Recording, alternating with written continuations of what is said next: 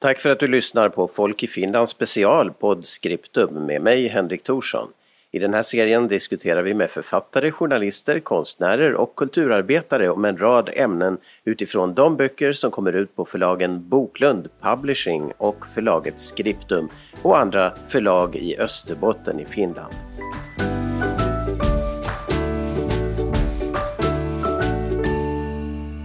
Idag ska vi prata om en bok som på något sätt är fysisk. Man kan få en väldigt fysiskt stark upplevelse tycker jag själv i alla fall. Och den heter också så Magen heter den och det är Martin Högstrand som har skrivit den. Och välkommen med Martin. Tack ska du ha, tack ska du ha. Ja, det här är nu vilken i ordningen av dina böcker nu igen ska vi säga? Det är min fjärde bok. Det är min, man kan väl säga att det är min tredje roman egentligen. Min första var en kort roman min andra var en någorlunda normal lång roman och det här är den tredje romanen. Men sen gav jag ut en diktsamling också för åtta år sedan. Ja, just det. Och den här boken är utgiven på Skriptum förlag som du väl eh, har givit ut. Har du givit ut flera där? Åtminstone den förra? Ja, det är min andra på Skriptum faktiskt. Den förra var ju Claire då som kom förra året. Precis, som vi pratade om vid bokmässan då.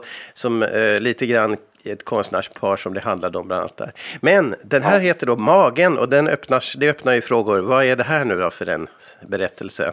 Ja, man kan säga det att eller jag tänkte som en sorts existentiell thriller eller någonting åt det hållet.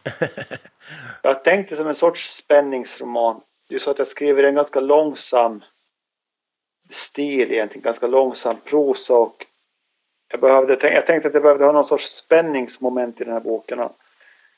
Och magen är väl då ett sorts spänningsmoment, både en sorts motor i berättelsen, både bokstavligt och uh, bildligt talat så att säga. Det, mm.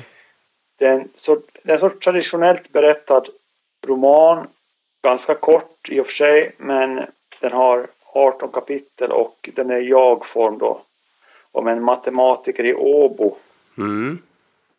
Som är, ska vi säga, ganska vilsen i tillvaron på många sätt och han, han har då en mage som alla människor har som då är i olag kan man säga och det är väl bokens huvudtema egentligen den här magen som då är i olag.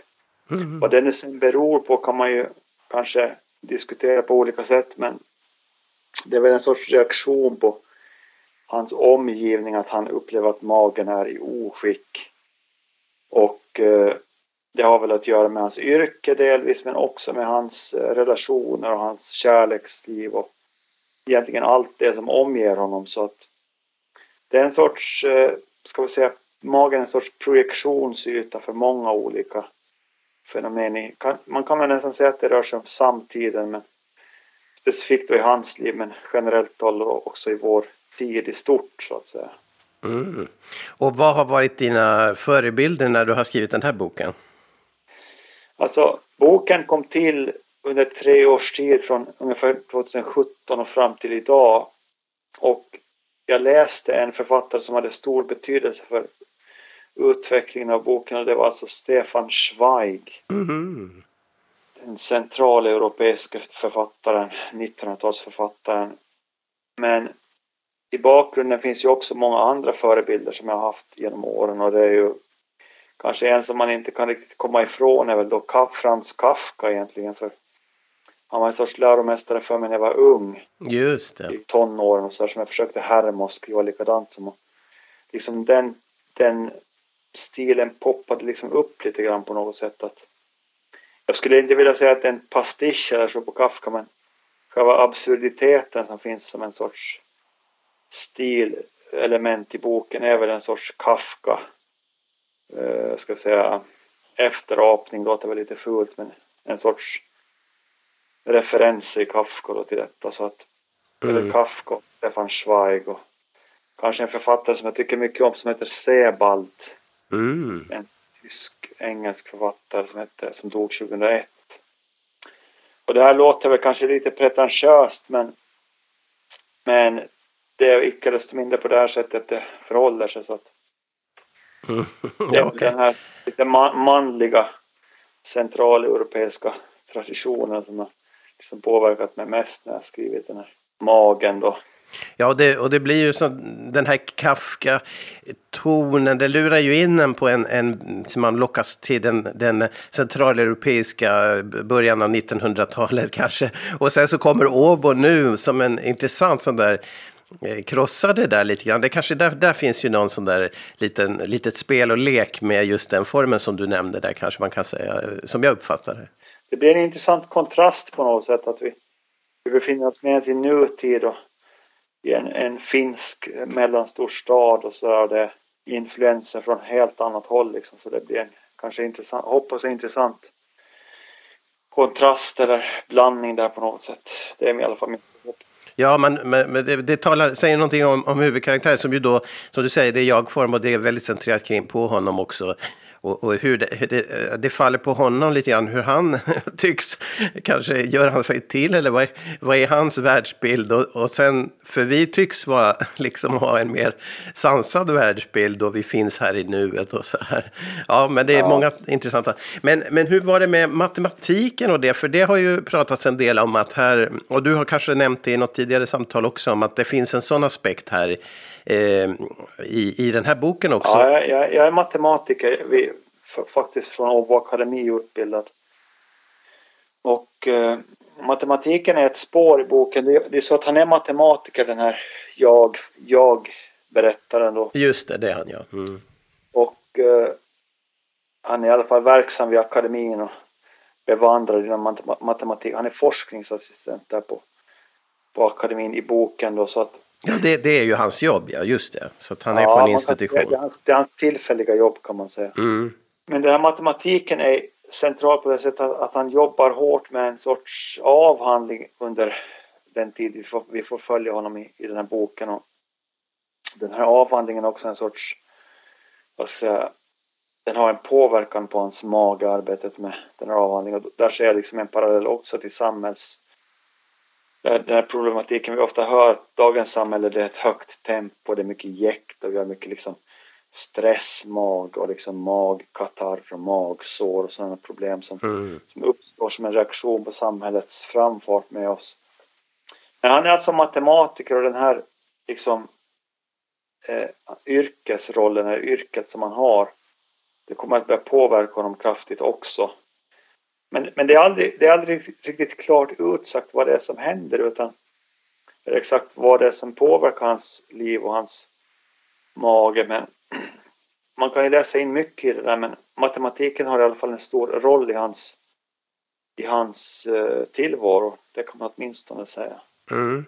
Ja, det, det är ju också en intressant eh, vad ska man säga, tudelning på det viset att matematik är som den högsta kunskapsformen uppe i det, det, ja, det beständiga och sen den här fysiska magen som är någonting ju, ja. eh, de där perspektiven är intressanta, alltså verkligen.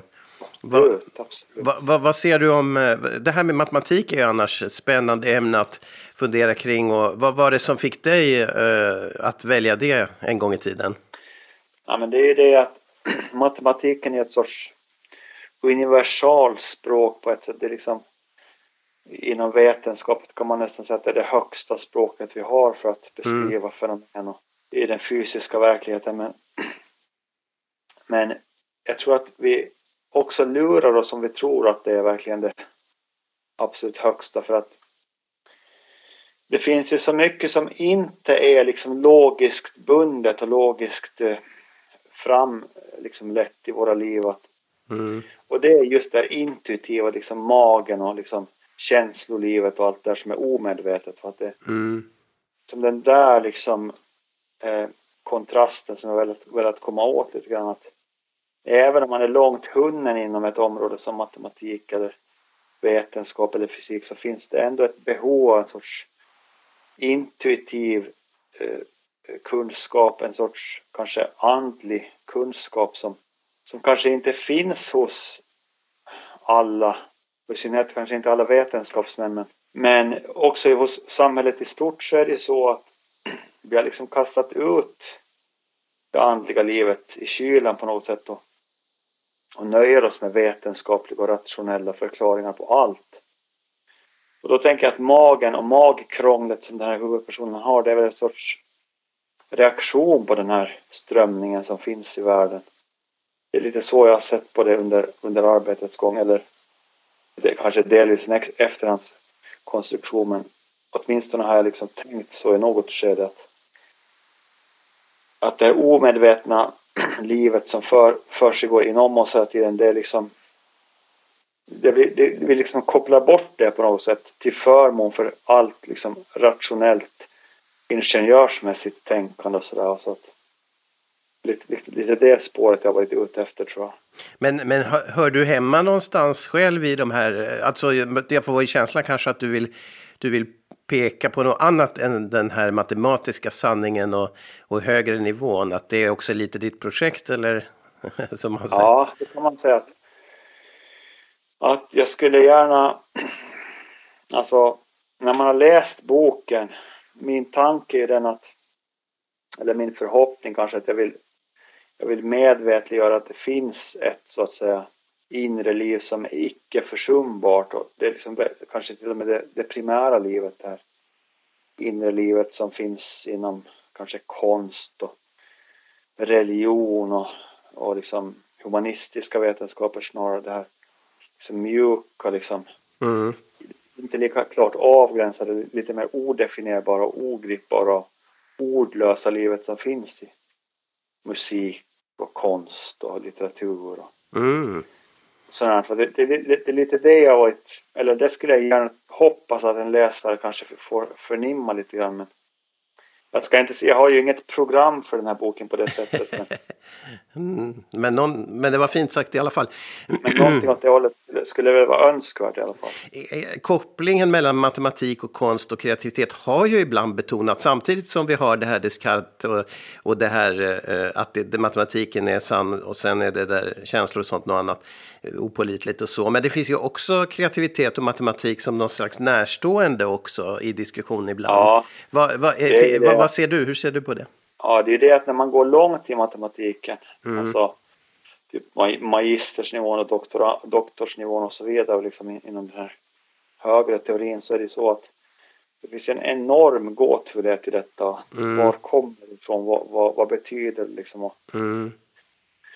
och liksom en, en, en, enorm skönhet också att det är liksom en sorts konst nästan, en sorts vad ska jag säga, skönhetseffekt när man håller på med så att det, det finns nästan ingenting som är vackrare än en elegant formulerad kraftfull matematisk sats. Va? Ja. så det är, sorts, det är, sorts, det är en sorts eh, ja, konst skulle jag nästan vilja säga, matematiken också. Men det är en konst för några få som liksom har hållit på jättelänge med det. Så att mm. Det är en väldigt exklusiv konstform kan man säga. Men, mm. men det där leder ju in på jättemånga olika spår. Inom logiken har vi det att det, det är liksom Gödel och ofullständigheten. Det finns en sorts väldigt stark gåtfullhet i detta också som, som vi inte kan gå in på nu men som jag tror att det är väldigt eller som jag tycker att det är väldigt fascinerande att säga någonting om, om liksom matematikens liksom otillräcklighet också. Ja, det var fint. Magen alltså. Och nu har du skrivarhöst där på Åland. Och eh, vad, vad är det då? För boken kom ju ut för en vecka sedan så det är väl inte den du har skrivit på utan du har andra projekt gissar jag på gång? Nej, jag håller på faktiskt nu med en sorts äventyrsroman från Indiens djungler och städer kan man säga som, är, mm. som jag hoppas att blir väldigt färgstark som har som har ett eh, tema som rör kanske relationer mer än någonting annat så att ja, det, det handlar mycket om relationer och relationsproblematik och sen så att mm. det låter lite udda att ha en sån indisk bok men det är icke mindre så så jag försöker göra nu så att det är den jag jobbar med helt enkelt. Jag hoppas den kan komma någon gång inom något år så, så att. Ja, okej. Okay.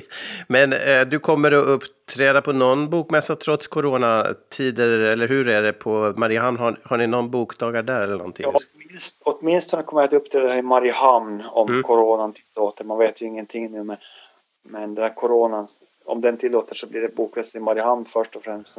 När är det bokfest på Maria, i Mariehamn i så fall? Det är faktiskt runt den 20 där någonting. Den 20 november alltså. Just det, om några veckor alltså Mariehamn, där finns det då en förhoppningsvis bok, eh, ett bokevent om det tillåts eh, till följd av läget som råder. Men vi får hoppas att det är det och eh, tusen tack Martin för din medverkan och vi hoppas att få prata mer igen. Och din bok den hittar man på boklund.fi. Eh, .fi alltså. Okej. Okay. Ha det så bra, lycka till. Ja, tack ska du ha. Tack. Du har lyssnat på Podscriptum, podcasten om böcker, författare och intressanta ämnen från förlaget Scriptum och förlaget Boklund Publishing i Österbotten i Finland.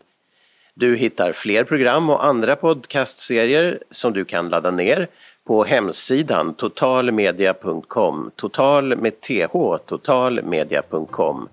Och du kan läsa om nya böcker på sidan skriptum.fi.